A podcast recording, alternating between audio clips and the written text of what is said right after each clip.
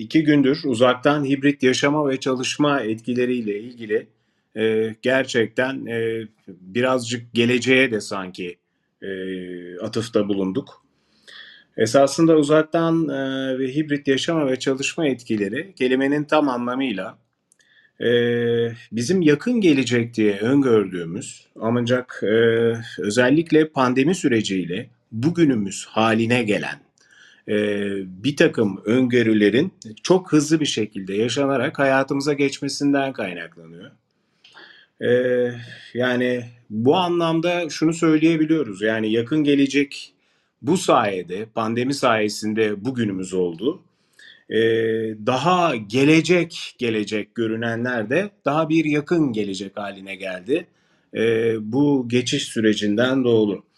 E, bak bakıldığı zaman e, iki gündür bahsettiğimiz şeylerde esasında e, altında yatan temel e, konseptin daha otomatize bir dünyaya doğru gittiğimizi gösteriyor.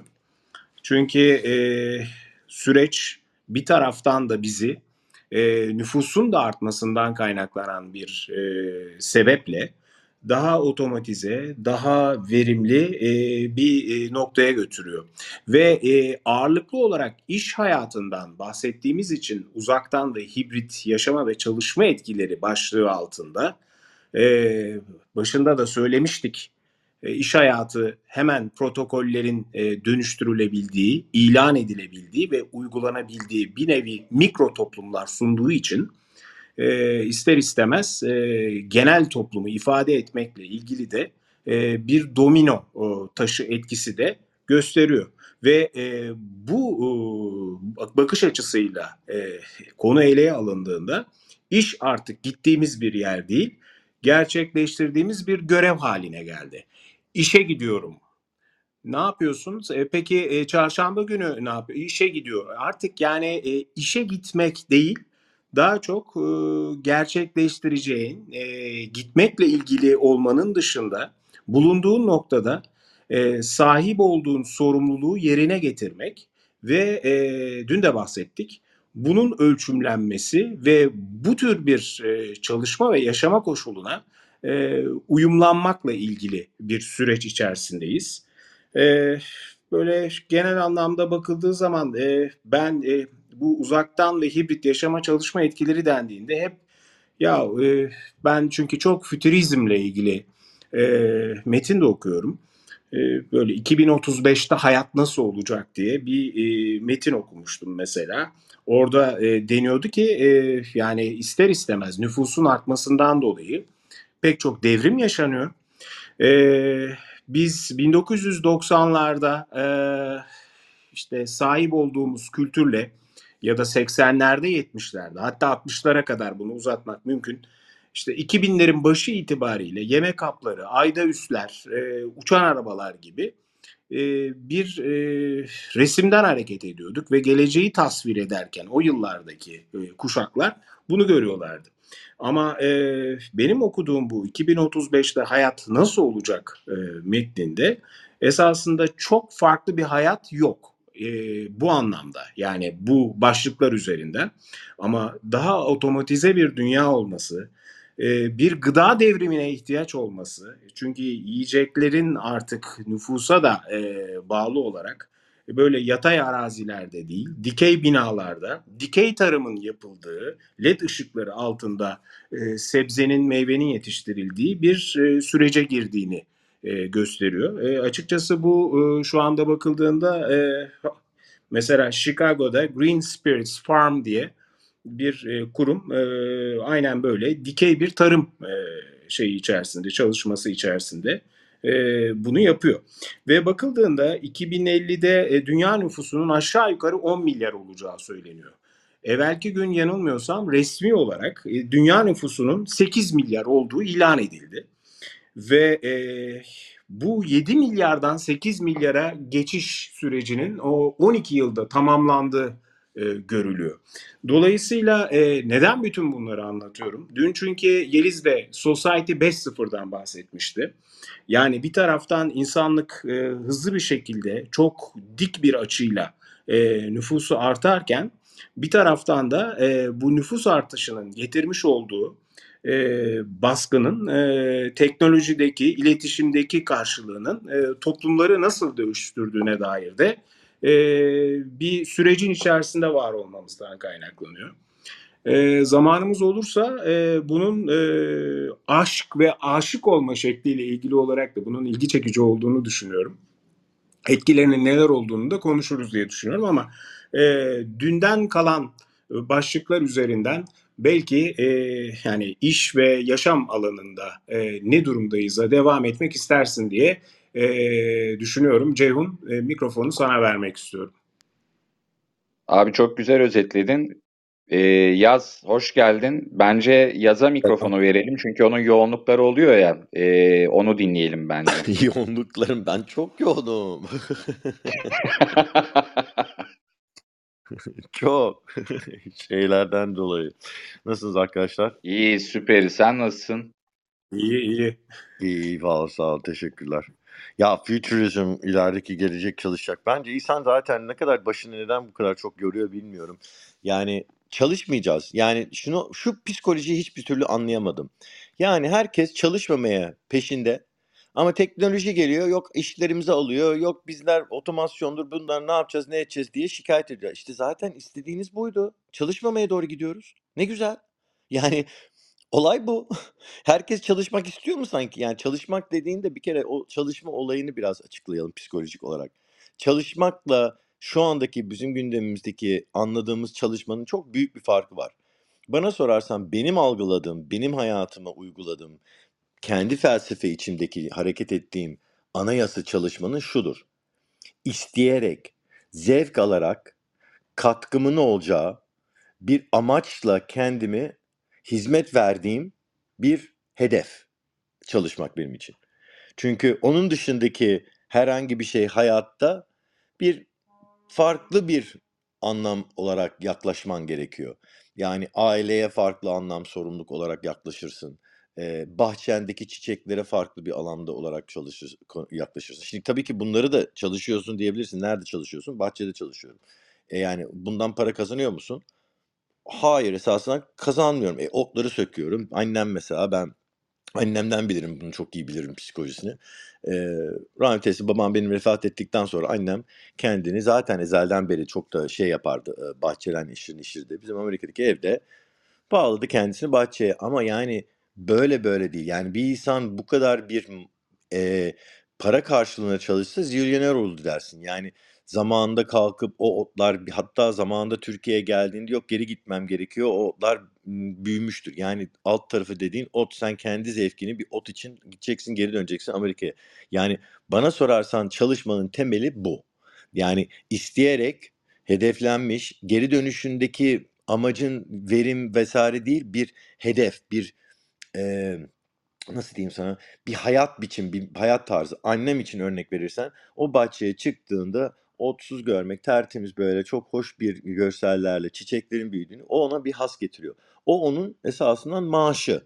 Bu maaşa göre karşılığında da onun kalkıp orada sabah olsun, akşam olsun, yağmurda olsun, soğukta olsun, sıcakta olsun bir emek vermek ki televizyonun ötürün önüne oturup da zevk almak farklı, torunlarınla oturup eğlenmek farklı ama bunu tercih edip bunun karşılığında da bir emeğin karşılığında da bir sonuç elde etmek bana sorarsan esas çalışmanın tanımıdır. Şimdi bu model içinde dünyadaki kaç kişi çalışıyor desem bana ne yazık ki çok düşük bir seviyede. Çok düşük rakam. Oran vermeyeyim tahmin edemem ama diyebilirim ki kesinlikle %60 %70'in üstündedir. Ee, bunun dolayısıyla da bir emek karşılığı çok da herkes görmüştür bu e, tarz görselleri işte arkandan bir sopa çıkıp da önünde böyle bir tane bir doları koyup da sen koşa koşa yerinde aynı yerinde kalıyorsun hiçbir zaman bir yere ulaşmıyorsun. Atla hovuç olayı gene gibi. Bunu çok görmüşüzdür ama işte bu bana sorarsan insanların şu anda programlandığı çalışma modelin temel psikolojisi ve bundan kopmak, bundan ayrılmak, bundan farklı bir yola girmek birçok insanı ürketebiliyor. Yani ne olacak ama bak bunsuz ben yapamam. Bu bana ihtiyacım var. Kiramı veriyor. Benim çalışma yani eninde sonunda hayatımı gideriyor. İşte temeldeki bu bakış açısı değişecek. Gelecekteki çalışma modelleri ve şu anda uzaktan çalışmanın da bize çok güzel bir şekilde gösterdiği şey şu. hayatın senin esas amacın. Sen çalışmayı orada serpileştirerek ona bir daha fazla e, tatmin edecek, kendine bir hedef verecek anlamlarla dolduruyorsun. Mecburi bilinmiş yani şey mecburi olarak o saat esir kalmış, isteksiz, karşılığını aldığının hakkını duyum, daha fazla hak ettiğini düşündüğün savaşçı zihniyet gibi bir çalışma zihniyetinden bizi ayırtıyor evden çalışmanın, remote çalışmanın sen belirli bir zamanlarını netle belirleyebiliyorsun. Bir hedef karşılığına, bir yapılacak bir iş unit karşılığına. Ha senin 5 dakikan alır, 5 saatin alır. O birazcık senin insentifine kalan bir durumlar oluyor. Şimdi dersin ki çağrı merkezleri belli belirli zamanlardaki evden çalışmaları saatler olarak çalışabiliyorlar diyecektin. Saat 9'dan bağlanıp 5'e kadar.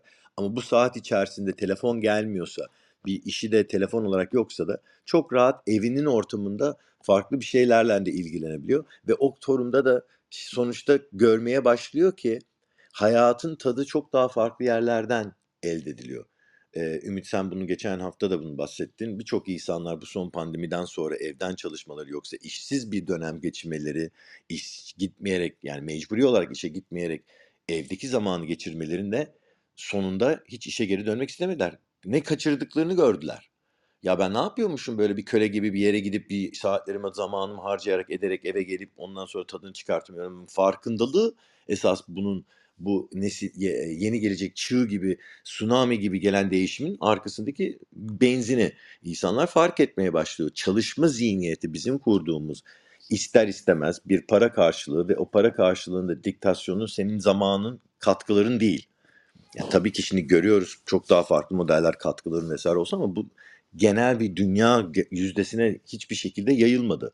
Hala bu birçok zamanda yani emek karşılığında çok az alış. İşte o yüzden gelecekte otomasyonla bunların bir robotlar olsun vesaire olsun işte algoritmler dediğimiz gibi AI'lar olsun insanın istemeyerek yapmak istemeyerek ama mecbur kaldığını düşündüğü yapacağı şeyleri aldıkça insan neyle yüzleşecek? Ben şahıs kişi olarak bir birey olarak nasıl bir şekilde bu insan sosyetesine katkıda bulunmak istiyorum. Bunu bir özgürce insanları bıraksan temel kendi içlerindeki yeteneklerine has bir şekilde bir işe yaklaşmalarını eminim hiçbir boşluk görmeyiz. Ama ne yazık ki işte affedersin bana yani çöp çöp ya, affedersin diyecek bir şey yok istersen orada. Babam benim 10 yaşındaki de, e, derdi ki normalde bir 10 yaşı 12 arasında ki ben de bunu çok gördüm pedagog ve çocuk psikolojisinde seçilen kariyer o zamanlarda mesela 10 ile 12 yaşında çocuklar için umniyetle en çok onlara uygun olacak bir iş kariyeriymiş. Çünkü o zamanları çok fazla sosyete ve çevresindeki insanların etkisinin altında kalmıyor. Elbette ebeveynlerin etkileri vardır ama kendi yeteneklerini biraz daha germişler ve orada böyle nasıl diyeyim sana e, yargılanmamış, e, distort edilmemiş yani dışarıdan etkilenmemiş bir şekilde kendine has o yeteneğin nerede kullanılacağını görerek bir seçenekte bulunuyor. Yani sonuçta 10 yaşındaki çocuk belki çöpçü olmak istiyorum diyor. Görüyor ki işte her günde çöpçü karşılaşmak, çöpü toplamak bunu bir şekilde kendi içindeki çöpçüyü küçümsemek için demiyorum ama anlayış olarak görelim diye yani birisi çöpçü dediğinde bugünkü çalışmanın şeklinde düşük bir seviye iş olarak görülüyor. Ama dışarıda sosyal yani bizim halkımızın içinde çöpçü olmak isteyen, yeteneği çok mutlu olan insanlar olabilir. Ve bunlar ama mecbur, bunlar ama başka işlerde mecbur kaldılar yapıldılar diyelim. Çöpçülük değil. Ve bu zamanda da o zaman mutluluk ve bir şey tatminlik getirmiyorlar toplumluğa. Oysa, oysa esasından çöpçü yapmak isteyen iş, e, iş çöpçü yap, işini yapmak isteyen insan çöpçülük yaparken yapacağı has ve yapacağı mutlulukla etrafına yayılacak etki çok daha güçlü oluyor. Daha belki konuşmalarımda anlatmışımdır. Belki buradaki seri imalat zincirlerindeki iş yapanların istekli yapmaları nasıl yanındaki o işi de etkiliyor veya etkilemiyor. Bunun daha ölçeği, bunun bir aygıtı yok ama bu kesinliklerle, orantılarla çıkartılmış bir şey. Genel bir motivasyon, moral, askerde çok kullanan. Bunlar hepsi insanların işine yaptığı ve o işinin bir değer olup ve daha fazla katkısı olmasına sebep olan şeyler. İsteksiz yapılan işler, Hepimiz biliriz arkadaşlar. Birisine bir iş yaptırtmak istemediğinde dünyanın en zor şeyi. Ne kadar da para versen, ne kadar da onu yol göstersen, bir işi yapmak istemeyen bir insan o işin sonunda yapılan işin bir ciddi anlamda e, düşüğü vardır. İsteyerek yapılan kişinin işinin sonucunda bakarsan çok daha yüksek bir etkisi var. İstemeyen yaptığında yani ölçüleme e, birebir o an görülmeyecekse bile yan etkilerine çok ölçülebilecek ters etkileri var. O yüzden de diyorum ki insanlar artık evden çalışmaya başlamakla birlikte hem kendi isteklerini, kendi sevdiklerini, nereye kendilerinin odaklanmalarını gördükle iş anlamı, çalışma anlamı değişiyor. Çalışma artık esasından çalışmak mecburiyetindeyim diye daha evvel bugünkü konuşmanın başladığında dediğin gibi çalışmak mecburiyetindeyim değil, çalışmak istiyorum giriyor.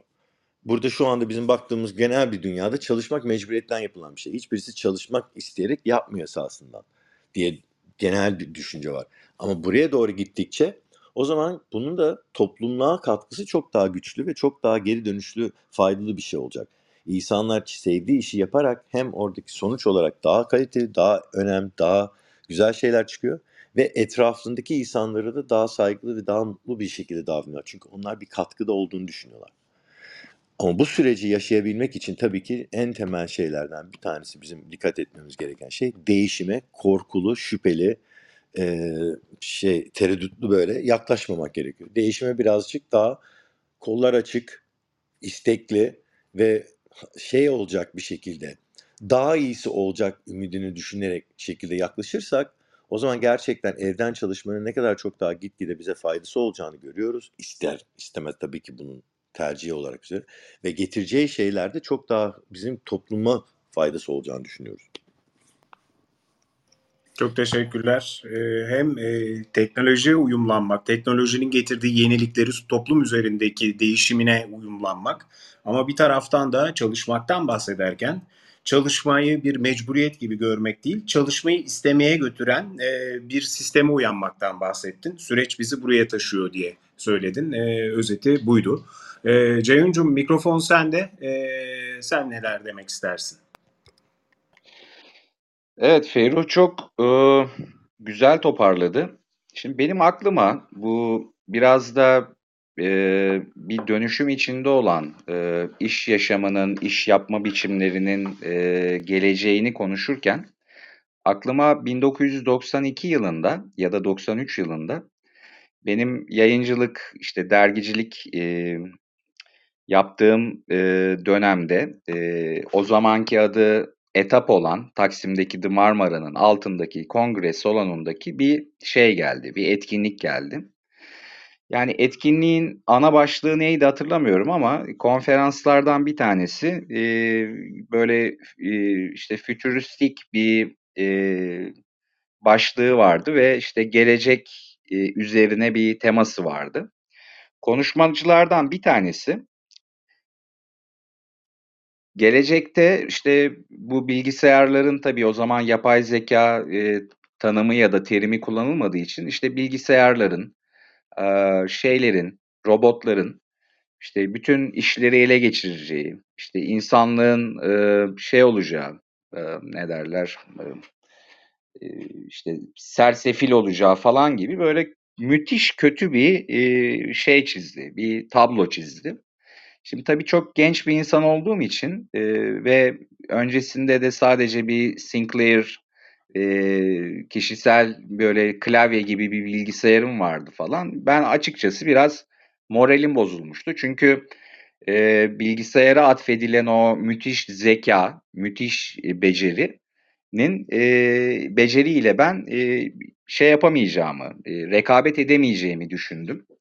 E, ve şey yaptım yani oradan çok olumsuz duygularla ayrıldım. Şimdi dün yaptığımız ve evvelsi gün yaptığımız iki tane yayında e, şöyle bir aslında çıkarım yapmak da mümkün. Ya işte yapay zeka geliyor, iş yapma biçimlerimiz değişiyor. E, işte uzaktan çalışıyoruz, hibrit çalışıyoruz. Günün sonunda aslında e, en temel konu yani çalışma fiili bu fiil için gerekli olan e, gereksinimler e, işte çalışanların iş gücünün e, iş zekası işte deneyimi vesaire aslında değişmiyor. Yani yazın e, çok sık örnek verdiği yani e, kendi aramızda da örnek verdiği bir aslında e, analoji kurulabilecek bir örnek var. Bu örnek de şu. İşte Frank Sinatra ilk e, işte 45'lik plakla çıktı. Ondan sonra e, işte araba teybine döndü iş. Ondan önce daha büyük bantlar vardı isimlerini hatırlamıyorum. E, işte roll tape'lere döndü, CD'ye basıldı. İşte şu anda internet üzerinde işte MP3 ya da MP4 formatında e, değişik formatlarda biz aslında Frank Sinatra'nın aynı şarkısını dinliyoruz. Fakat e, bize bu sesi ya da mesajı, içeriği taşıyan aracılar değişti.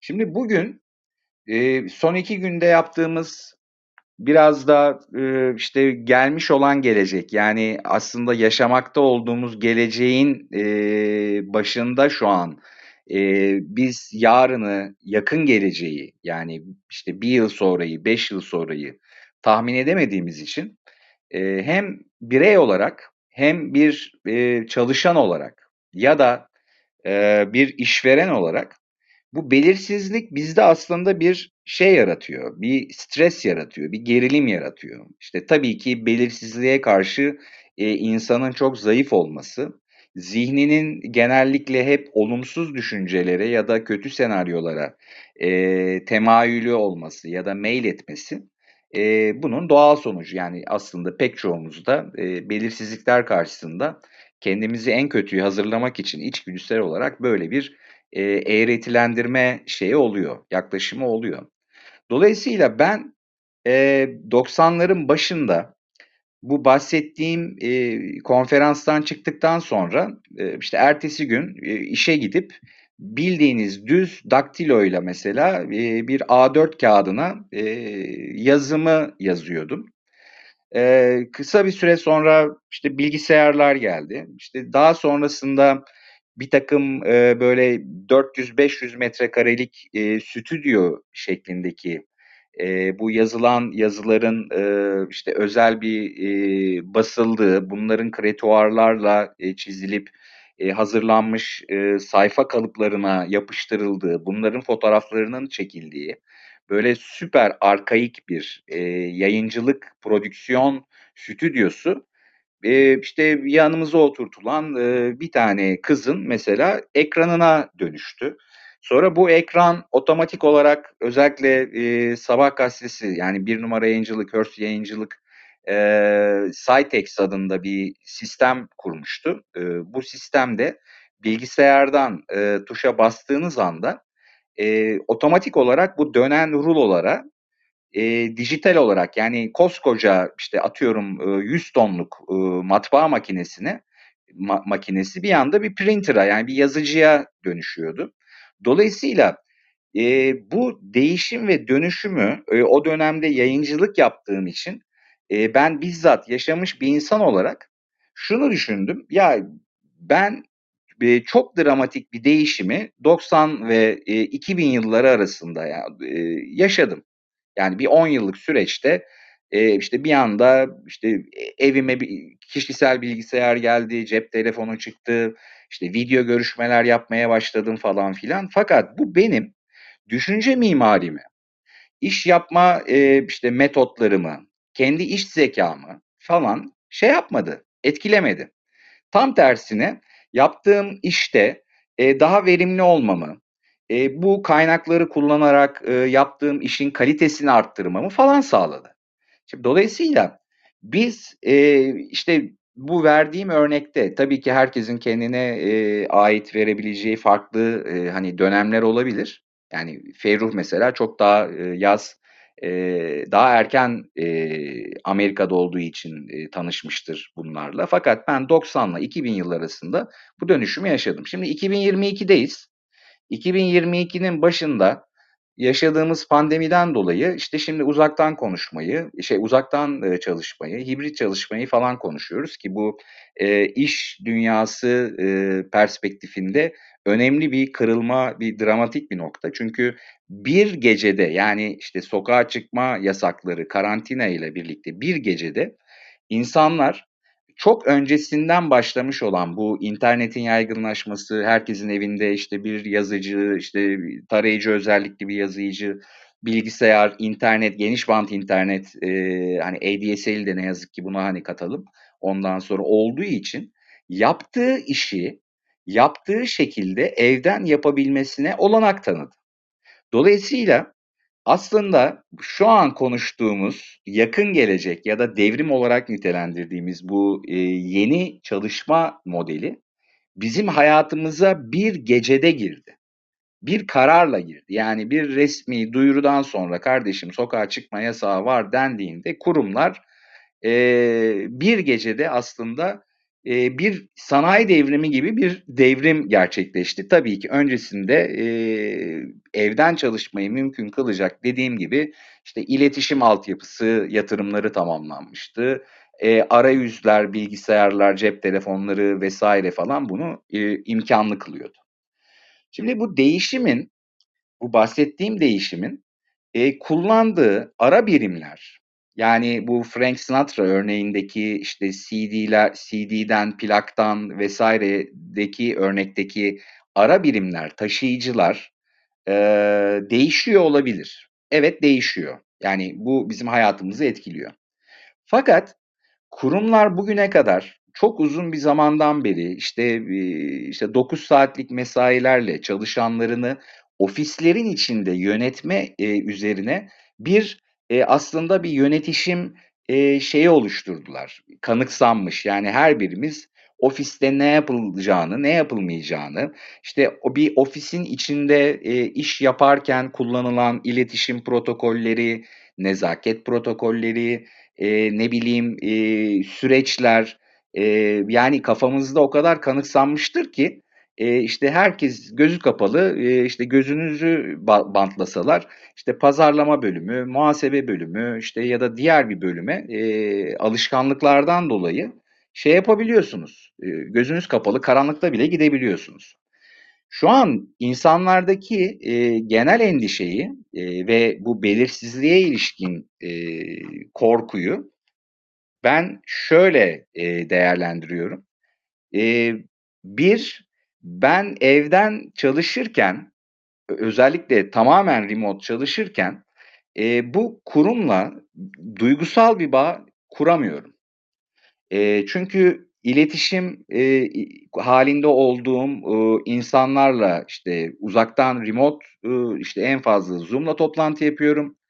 İşte patronlar e, benim e, işte performansımı ölçüyorlar mı, ölçmüyorlar mı? İşte ben kendi aidiyetimi hani bu maaş almaya devam edebilmek ya da işte kariyerimi devam ettirebilmek için e, bu e, şeylerimi hani yarattığım farkı hissettirebiliyor muyum, görebiliyor muyum gibi böyle en temel içgüdüsel olarak yani bu edindiği maaşı e, işte Ferruh'un da söylediği gibi işte bu faturalarını ödeme falan konusundaki e, endişelerini aslında giderebilecek bir cevap var.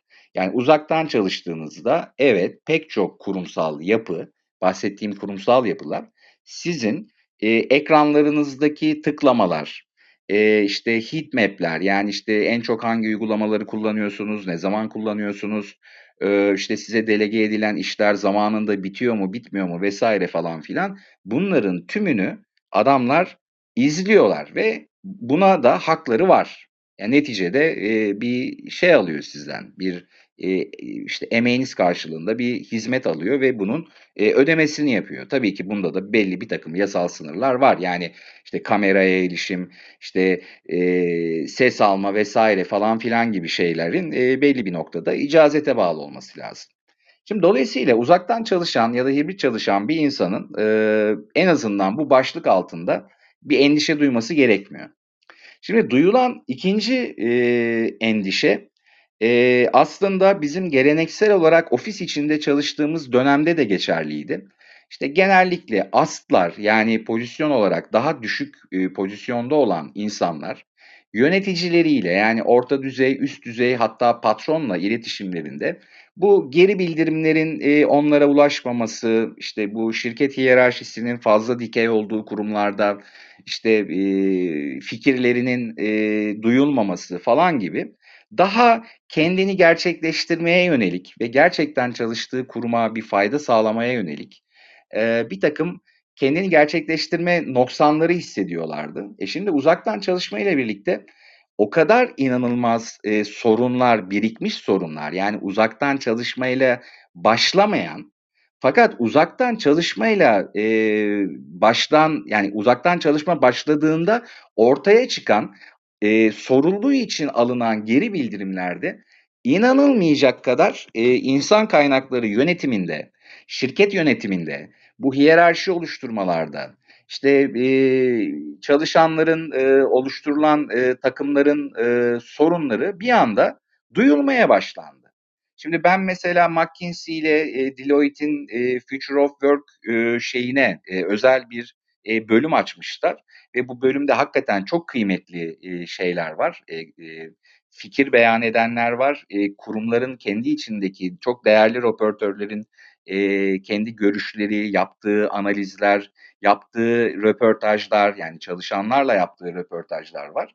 Dolayısıyla benim gördüğüm kadarıyla McKinsey ile şey ne derler Deloitte'in bu Future of Work başlığı altında temel olarak ayırdığı iki tane katman var. Bu katmanlardan bir tanesi e, uzaktan çalışma, hibrit çalışma ya da bu e, dijital transformasyon yani şirketlerin iş yapma biçimlerinin e, çalışanlarıyla e, kurdukları e, iletişimin dönüşümüyle ilgili e, işin yazılım, e, donanım e, ve altyapı tarafındaki e, konfigürasyonun nasıl insan odaklı yapılabileceğine dair kafa patlatılıyor.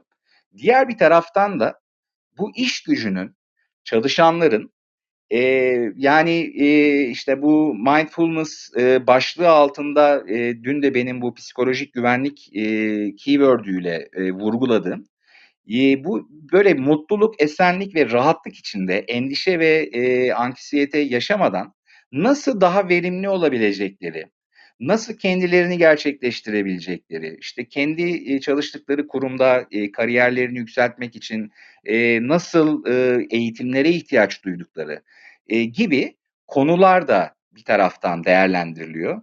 Ve ne yazık ki bunun değerlendirilmesinin sebebi bu çalışanların gönlünü hoşbeş etmek için değil, ee, yine bu Anthony Klotz, e, bu örgütsel psikolog Anthony Klotz'un e, bir e, kavramsallaştırmasına atıf yapmıştım salı günkü yayında. Bu büyük istifa akımında e, insanların bu 47,5 milyon Amerikalının neden istifa ettiği araştırıldıktan sonra anlaşılmış ki uzaktan çalışmaya geçilmeden önce de insan kaynakları yönetimlerinde şirketlerin kurum kültürlerinde çok ciddi şeyler var, sorunlar var. Dolayısıyla sözümü şunla kapatmak istiyorum. Bu e, Taksim'de beni son derece geren, korkutan, paniğe e, kapılmama neden olan robotlar gelecek, bilgisayarlar gelecek, yani hepiniz işsiz kalacaksınız diyen adını hatırlamadığım bu tuhaf e, konuşmacı 1992 ya da 93 yılındaki konuşmacının öngörüleri tutmadı. Gerçekten bilgisayarlar geldi, robotlar geliyor. Yani neler olacağını tabii ki şu an bilmiyorum ama e, o arada ben koca bir ömür yaşadım. E, ve şimdi 2022'de e, kurumsal hayatın e, artık dışına çıkmış olmama rağmen yeni bir aslında e, dönem başlıyor. Yeni bir çalışma şekli, yeni bir iş yapma biçimi başlıyor. Bu biçimden de korkmamalıyız çünkü e, en azından pandeminin en büyük faydası insanlığa şu oldu biz çalışanlar olarak bir geri bildirimle e, sanayi devriminde devrimi için tasarlanmış bu ofis çalışmasının gerek çalışma saatleri, gerek iş yapma biçimleri, gerek hiyerarşide en azından bir revize e, ihtiyacı olduğunu duyurmayı başardık ve bununla da ilgili çok ciddi şeyler yapılıyor. Yeni düzenlemeler yapılıyor. O yüzden ben bu korkuya ilişkin e, başlığı da bir alt başlık olarak açmak istedim. Teşekkür ediyorum. Ağzına sağlık Ceyhun'cum. Ee, ciddi bir bilgi e, bombardımanı oldu sayende. E, hem de e, kendi e, deneyimlerinden. Bilmiyorum e, söylediğin kişi Alvin Toffler olabilir mi? E, çünkü e, 92-93 yıllarında çok fazla gelir giderdi. Fütüristti. E, ben 19... Aynen, aynen, aynen, aynen. Çok teşekkür ediyorum, hatırladım. E, çünkü Alvin Toffler'ın e, bu şeyine ben de gitmiştim. E, bir tanesi de e, bu etapta olmamıştı. Yani Taksim'de olmamıştı. Ee, şeyde olmuştu. Çırağan'da, Kempinski'de. Ben ona gitmiştim. Ee, söylediği şeyler içerisinde hatta döndükten sonra ofiste e, ciddi anlamda e, konu üzerinde e, böyle hararetli bir e, konuşma yaptığımızı hatırlıyorum. E, evet biraz pesimistti bazı şeyler. Hatta e, terörizmi bile e, gelecekte neye dönüşeceğiyle ilgili e, ciddi bir ara başlığı vardı anlattıkları içerisinde. E, dolayısıyla da e, beni de açıkçası e, hani umut dolu bir geleceğe değil, e, o yıllarda, o yaşta ve o vizyonla e, çok da fazla iyimser olmamakla ilgili bir kurguyla e, arka kapıdan çıkmama sebebiyet vermişti. E, ben birazcık e, Yeliz'cim sen de hoş geldin. Hem e, bir hafif bir özet de yapayım e, ki e, senin de görüşlerini alalım. Bir kere Yeliz'in dün odaya yaptığı katkı hakikaten hem zihin açıcı hem de ruhumuza da fazlasıyla hitap etti ve açıkçası benim içimde daha bir genişlememe de sebebiyet verdi. Özellikle bu Society 5.0 e, başlığı e, bir kere kelimenin tam anlamıyla gelecekle ilgili iyimser olmamıza ilişkin bir e, kapı da açıyor. Çünkü e, şimdi e, ben hafiften e, ona da bir e, atıfta da bulunayım. Dün ne demiştik? E, işte avcı toplum, tarım toplumu, sanayi toplumu, bilgi toplumu e, şu anda da artık başka bir şeye devşirilmek durumundayız. Yani dönüşmek durumundayız. E, bir taraftan da e, nüfus artıyor. E, programın da başında belirttiğimiz gibi. İşte dikey tarımdan bahsettik hafif. Dolayısıyla bütün bunları üst üste koyduğumuz zaman bu ekonomik ilerlemeyi sosyal sorunu çözmeyle dengeleyen insan merkezli bir toplumu e, siber uzay ve fiziksel alanı da birleştiren bir anlayışla e, kullanmak, etmek yani insanlığın faydasına kullanabilecek e, şekilde e, düzenlemek e, olarak özetlersek eğer e, gelecekle ilgili bir kere her daim e, yarım bardak dolu diyeceğimiz bir e, alanımız var. Bir kere bu net. E, Ferruh dedi ki çalışmayı, e, çalışmamayı istiyoruz esasında. Biz insanlar olarak genelde refleksimiz çalışmama üzerinedir. Çünkü çalışmaktan keyif almadığımız için büyük bir çoğunluğumuzun e, esasında çalışmamakla ilgili e, hayaller kurduğumuzu söyledi ve sistemin de bu şartlarda bizi çalışmamaya doğru götürmesinin esasında e, yeni bir uyanışa da vesile olması gerektiğini, çalışmanın isteyerek, zevk alarak, e, katkı yaparak bu tür bir hedefle ancak e, geri dönüşünün çok daha verimli olacağını, sürdürülebilir olacağını söyledi. E, Ceyhun'unsa son konuşmasının özetinde e, iki tane endişeden bahsetti ağırlıklı olarak. E, bir kere belirsizliğin e, bu hibrit ve uzaktan çalışmanın getirmiş olduğu belirsizliğin altını çizdi. E, diğer endişesi ise ağırlıklı olarak kendini gerçekleştirmek ve e, fark edilmek ve bir şekilde e, nasıl e, verimli olduğumu ya da bunun takdir edildiğinin e, ölçümlenebildiği ama bir taraftan da insani dokunuşlarında olduğu bir e, ihtiyaçtan bahsetti. Çünkü online bir e, iletişimde kurumsalla e, yani o kurumun yapısıyla kurumla duygusal bir bağ e, kuramama gibi bir şeyin de e, altını çizdi. E, genel özetimiz bu. E, Yeliz'cim mikrofon sende. Günaydın herkese. Eee, evet, eee, 2 şekilde düşünme, eee, seçeneğimiz var. Yaşam bizim için gerçekleşiyor diye de düşünebiliriz ya da yaşam bize karşı gerçekleşiyor diye. Yani ya pozitife doğru gidiyoruz ya negatife doğru gidiyoruz düşüncelerimizde ve günde ortalama 65.000'e yakın düşüncenin, emm, zihnimizden geçtiğini, eee, söylüyor birçok, eee, bilim adamı ve bunların içerisinde de %80'i genellikle negatife doğru. Dolayısıyla herhangi bir değişim dönüşümle karşı karşıya kaldığımızda ilk aklımıza gelen şeyler aman tanrım bu benden ne alıp götürecek ya da benim yaşamıma nasıl bir negatif etkisi olacak gibi e, düşünceler işte e, dün bahsettiğimiz o anxiety yani kaygı korkuyu yaratıyor. Sevsek de sevmesek de bu değişim dönüşüm gelişim em, zamanın bir parçası olarak, işin bir parçası olarak, yaşamın bir parçası olarak gerçekleşecek. O yüzden mindfulness çok kıymetli. Çünkü mindfulness'ta ne yargı ne merhamet var. İkisinin üstünde bir yerde olanı olduğu gibi görme hali. Aynen bu biraz önce işte Ceyhun'un bahsettiği örnekteki gibi. Olan olduğu gibi görmek gerekiyor. Evet AI'lar geliyor, robotlar geliyor ve yazın da söylediğine artı olarak e, özümüzde zaten we are not human doings, we are human beings. İlla bir şey yapacak değil. Burada varlığını bulmaya, özünü keşfetmeye gelmiş ruhlar olduğumuzu düşünürsek, em, varlığımızı yaşamak istediğimiz için içe dönüş, dün konuştuğumuz gibi insanın anlam arayışı başlıyor. Önümüzdeki dönemlerde de son 5 yılda olduğu gibi e, kurumlarda e, iş değil ama yaşam bir stili olarak ya da bir yaşam amacı olarak üretmeyi nasıl görebiliriz? E, çünkü işte biz şunu öğrendik 9-5 arası çalışılır. Deli gibi çalışılır anca eve bir para kazanılır. Hep bunlar geçtiğimiz süreçlerdeki ekonomik süreçlerin sonucunda insanların em, kendilerine çıkarttıkları birer e, düşünce kalıbı. Oysa ki artık bugün itibariyle, bugünü geçelim 2010 itibariyle elimizdeki cep telefonundan dahi em, bir şey üretebilmek, satabilmek, dünyaya ulaşabilmek mümkün. Hiçbir şeyin olmasa bile iPhone'un en eski versiyonu dahi olsa bunu yapabiliyorsun. Do- tamamıyla değişti her şey. Şimdi bu biraz geç kaldım bugün kusura bakmayın çünkü bir toplantıdaydım. O toplantının içinde de sürdürülebilirlik projeleri e, konuşuluyordu. Bunlardan bir tanesinde de İspanya'nın ve Fransa'nın artık e, daha önce işte 2040 gibi düşünülüyordu ya da 2050 gibi düşünülüyordu ama 2035'e kadar benzinli araçları satmayı durdurduğunu paylaştı birisi.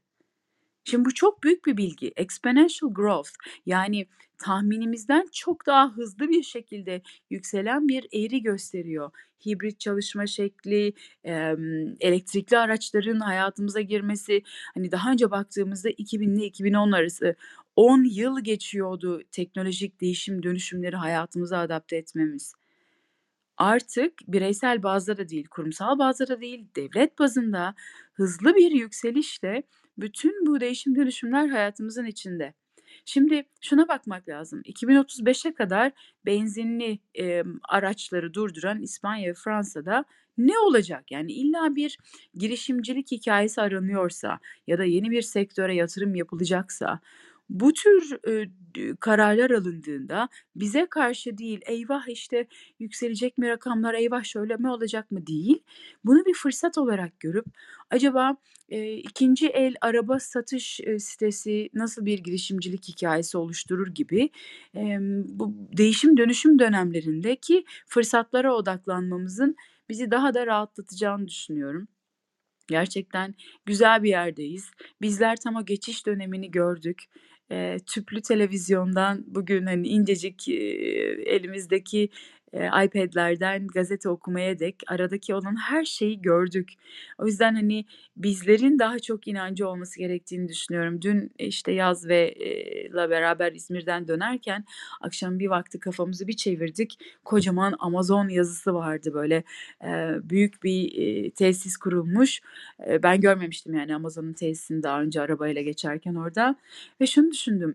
Yeni jenerasyon Y ve Z emm, eski fabrikalardan çok Amazon'u hatırlıyor olacak ve ileride Amazon'u örnek olarak veriyor olacak. Gerçekten, eee, büyük bir shift yaşadık. O shift yani geçiş yaşadık. Eee, pandemi bunu çok hızlandırdı.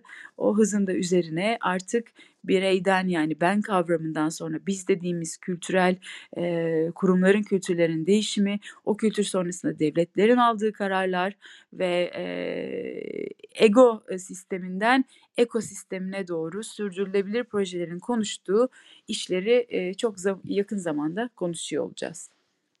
Sendeyiz Ümit. Çok teşekkürler Yeliz'cim. Ağzına sağlık. Ee, hakikaten çok değerli bilgiler verdin. Ee, her zaman olduğu gibi. Bu arada e, ben chat odasındaki e, yazıları da e, arada bakıyorum. E, sürekli bunun altını da çiziyorum ki hani bizi dinleyenler e, orada e, yazmaya, fikirlerini paylaşmaya e, devam etsinler ya da soruları varsa diye. E, ben orada hemen bir soru var. Bu soruyu e, özellikle e, Ferruh'a sormak istiyorum. E, Mehmet demiş ki yapay zeka istihdam azaltıcı azaltıcı bir e, etki yaratmayacak mı acaba diye e, bir soru sormuş. E, hem e, klasik bir soru ama bir o kadar da her daim kendini tekrar edecek bir soru olarak e, ben de e, Ferruh'a iletmek istiyorum. Ferruh ne diyorsun? Yapay zeka e, hakikaten böyle bir azaltmaya götürecek mi? İyi, istifam etmemden kastı tam anlayamadım herhalde. Yani yapay zeka ile insanların iş hayatında var olmaları, iş hayatındaki sayılarında azalma olacak diyor. İş hayatındaki sayılar. Evet, insan olarak yani insanlar çekilecek, yapay zeka devreye girecek, yapay zeka mevcut olduğu için de insanlar o derece çalışmayacaklar. O sayılarda, o yoğunlukta, o iş alanlarında var olmayacaklar. Doğru. De, yani benim dediğim zaten önce, önce şaşırdım yani farkı bir şey sordu ama aynen öyle. Ya zaten bu görülmüyor mu? Yani tarihin başlangıcındaki e, seri imalat şeyi birçok insanların çalıştığı platformda otomasyona geçtiği anda birçok insanlar işsiz kalıyor.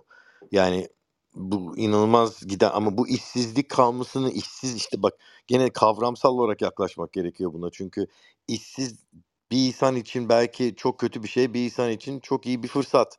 İşsiz kalan insan bu fırsatı aa ne güzel şimdi istediğim şeyin peşinde koşarım, işimi yap, şunu yaparım, bunu yaparım. İşsiz olan bakış açısına bağlı. O yüzden diyorum işsiz bırakıldığında daha fazla senin kendini has getirecek, mutlu olacağın şeyleri peşinde koştukça bunlar sana tatminlik getirecek. Şimdi tabii ki bunlar çok zor şu anda anlamak ve algılamak. Bir anda kira ödemem gerekiyor, para çalışmam gerekiyor ve bir rutin içinde kendini bağladığın bir e, yapı varsa ama bu böyle Ceyhun'un da çok güzel söylediği gibi en güzel şeyin getirdiği pandemik bize bir an değişim. Yani bu an değişimlerde esas insanın gücü ve yeteneği gösteriyoruz. E, adapte olmayı ve atlatmayı. Ama birçok değişiklikler çok yavaş yavaş geliyor esasında. Doğanın bir andaki değişimi de vardır ama doğanın aynı zamanda yavaş yavaş değişimleri de vardır. E, bu teknoloji değişimi bana sorarsan uzun zamandır geliyor burada zaten ve zaten bunun çok etkilerini de görüyoruz. Yavaş yavaş gittikçe bunu adapte edebilecek de vakit de oluyor. Ama bir anda kesildiğinde tabii ki birinin işi oradaki çekeceği zorluklarla ki gene pandeminin gösterdiği gibi birçok insanlar işsiz kaldılar. Ki hatta ben bunların case study'lerin birçoklarını görmüştüm, etmiştim. Gelişmeleri psikolojik olarak nereden, nasıl bir şekilde geliştiren bir şeyler var. ölçekler var. İlk başlangıcındaki işte ay bittik, panik, ne olacak, ne edecek? Tabii ki bir yandan sağlık açısı, öbür yandan da iş yok, para gelmeyecek, kira ödenmeyecek. Bir dönem bu sıkıntı var. Sonra birazcık bir e, bunun kabullenme durumu geçiyor. Kabullenme durumundan geçtikten sonra nasıl değerlendirilmelidir? Değerlendirilmesinin tatminkar olarak geri dönüşü olduğunda da geri dönmemek isteği var. Halbuki esasdan başında sorsalar hemen herkes geri dönerdi ama sona doğru baktığında bir yavaş yavaş ki yavaş dediğimiz bir dönem gene ne kadar olursa olsun bir senelik bir dönem içinde adaptasyon periyodunda birçok insanlar o ani bir geçişten dolayı faydalandılar. Şimdi yavaş yavaş geçişten belki onlar devam edeceklerdi. Hiçbir zaman o ani geçişi yaşamadıklarında bakacaklardı ki o farklılığı görmeyeceklerdi. O yüzden bu insandan insana değişebilir ama genel olarak sosyal olarak baktığımızda bunlar yavaş yavaş gelen değişiklikler e, eninde sonunda o zaman da o güne geldiğinde o farkındalığın aa evet oradan buraya gelmişiz. Zaten ona alışmışsın oraya gelene kadar. Ümit ben bir ekleme yapmak istiyorum Ferruh'un e, konuşmasına. Şimdi çok e, müthiş bir örnek vereceğim. E, şimdi NASA tarafından e, dünyada böyle bir düzineyi geçmeyen e, robot psikolog psikoloğu e, olarak e, adreslenen e, hani e, onore edilen Ecem Tu, tu e, Ecem Tuğlan adında 25 yaşında bir robo psikolog var. E, şimdi bu genç İzmirli genç işte Ege Üniversitesi'nde e, felsefe bölümünü e, bitiriyor. Bu felsefe bölümünü bitirdikten sonra e, işte malum felsefe bölümünü bitirdiğiniz zaman çalışma alanlarınız biraz şey e, sınırlı işte ya e, genelde yayıncılık, gazeteciliğe yöneliyorlar, e, işte iletişimciliğe, halkla ilişkilere vesaire. Fakat bu e, genç insan e, robot psikoloğu olmak için e, kendini şey yapıyor, e, ne derler, e, geliştirmeye karar veriyor ve robot psikoloğu oluyor. Yine bir arkadaşım, e, yani uluslararası ilişkiler okumuş, e, yurt dışında özellikle e, startup e, yatırımlarındaki fonlarda üst düzey yöneticilik yapmış bir arkadaşım. Şu an e, psikoloji yüksek lisansı yapıyor. Mesela onun da şeyi yakalamak istediği niş, yaratmak istediği fark e, yine bu yapay zeka, robot demeyeyim de yapay zeka e, psikolojisi üzerine kendini geliştirmek istiyor. Şimdi biz tarihsel olarak şunu e, rahatlıkla görebiliyoruz. E, şimdi bazı dönüşümler çok e, yavaş gerçekleşiyor. Yani sanayi devriminden e, bu e, işte e, şu an içinde bulunduğumuz e, bilgi çağı ya da işte bilgi devrimi, internet e, devrimi diyebileceğimiz e, döneme geçişimiz aşırı yavaş oldu ve e, sanayi devrimindeki bu e, işte üretim e, yöntem ve e, araçlarındaki dönüşüm çok yavaş değiştiği için e, bundan 50 yıl önce olmayan bir takım meslekler e, zaman içerisinde oluşmaya başladı. Fakat e, şu, şu an işte uzaktan çalışmayı bir milat olarak kabul edersek yani 2019'daki pandemi başlangıcını bu bir gecede e, bu dönüşümü bir milat olarak kabul edersek e, şu an e, Türkiye'de e, bu e, işte meslek çeşitliliği ya da e, iş becerisi edinmeye yönelik eğitim kurumlarının ve müfredatlarının gelişimi belki dünya ile çok böyle eş zamanlı gelişmiyor ama e, kesinlikle insanlar e, sezgisel olarak, içgüdüsel olarak yakın gelecekte e, nelere e, evrileceğini, e, bir takım mesleklerin yok olup olmayacağını e, ya da hangi mesleklerin ortaya çıkacağını e, biraz işte şeyle e, ne derler e, işte görgüyle, sezgisel olarak ya da işte okudukları bir takım e, işte haberlerden, e, araştırmalardan kestirebiliyorlar. Dolayısıyla ben e, böyle işte mavi yaka ya da e, işte serbest çalışan, çok bireysel çalışan e, ve e, onların e, üretimlerinin e, yani ihtiyacı aslında yani gerçekleşen arzın talebi ortadan kalkmayacak. İşte her zaman bir berbere ihtiyacımız var. İşte sürekli bir sağlık hizmeti almamız gerekiyor. İşte dişçilere ihtiyaç var ama yani çok böyle büyük bir kütle e, kitle ve yığın oluşturduğu düşünülen e, mesleklerde de ben e, zaman içerisinde e, bu yapay zeka ve robot arzına paralel e, bir geçiş süreci olacağını düşünüyorum. Yani bir gecede e, ya hepiniz kovuldunuz, işte robotlar geldi, yapay zeka geldi. Hadi bakalım gidin e, şeyinize e, ne derler köyünüze işte domates ekin karnınızı doyurun gibi bir durum olmayacağını düşünüyorum. Çok teşekkürler Ceyhun'cum. Ee, yine zengin bir oda olduğunu düşünüyorum. Ee, ve şunun da altını çizmem lazım. Çünkü e, sen söylediğin için birden aklıma geldi. Ee, sadece bir tespit bu. Ee, yani e, özellikle bizim ülkemizde e, özgüven, cesaret, geleceği kucaklama, liderlik, katma değer sunma gibi özelliklerle güzelliği birleştirenlerin temelde İzmir'den çıkmasına ne demeli? E, hakikaten e, ayrı bir e, bence e, oda konusu olur. Nasıl İzmir'e bağladın helal olsun diyorum. İzmir canım İzmir. yani e, bağlanmayacak gibi değil. Bu kadar tesadüf olmaz diye düşünüyorum. Çünkü e, yaş itibariyle ben de 55 yaşındayım. E, az bir zaman e, sayılmaz. E, çok şükür ki bu yaşa kadar e, ortalama bir sağlıkla da gelebildim. Ve bu bir e, farkındalık aynı zamanda bir tespit etrafımda var olan insanların e, içerisinde hep gördüğüm bir durumdu. O yüzden bunun altını e, bilahare çizmek istedim. Sen de İzmirli olduğun için buna da reaksiyon vereceğini de öngördüm. Çok da güzel oldu. E, bu arada e, robopsikoloji e, ya da robopsikolog dendiği zaman ya biz bundan ne anlamalıyız diye dinleyiciler arasında eğer e, böyle akıldan sorular geçerse biraz nörofelsefe e, başlığını da Google etmelerini e, kendilerine ta- tavsiye ediyorum. Ee, ben e, öncelikle e, moderatör arkadaşlarıma e, teşekkür ediyorum her zaman olduğu gibi. Kendi aramızda belli bir zenginlikle buradaki insanların canlarının sıkılmadan onlara katma değer yapacak e, şekilde bir içerik üretmeye çalışıyoruz burada. Ve e, her seferde e, sanki belli bir noktayı yakalıyoruz gibi görünüyor. E, tabii bu geri bildirimlerle e, bizim açımızdan tam olarak e, anlaşılabilir. E, malum e, dün de söyledik, Instagram'da da belirttik. Ölçmediğimiz şeye var e, diyemiyoruz. Sadece bir niyet e, noktasında kalıyor.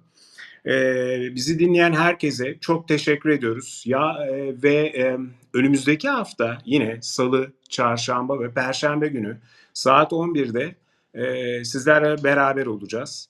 E, Instagram sayfamıza girdiğiniz zaman e, bio alanında e, bu yaptığımız konuşmaları e, podcast olarak e, ulaşabileceğiniz linki bulacaksınız. E, biz haftaya yine burada olacağız. E, hepiniz e, sevgiyle kalın, esen kalın. Görüşmek üzere.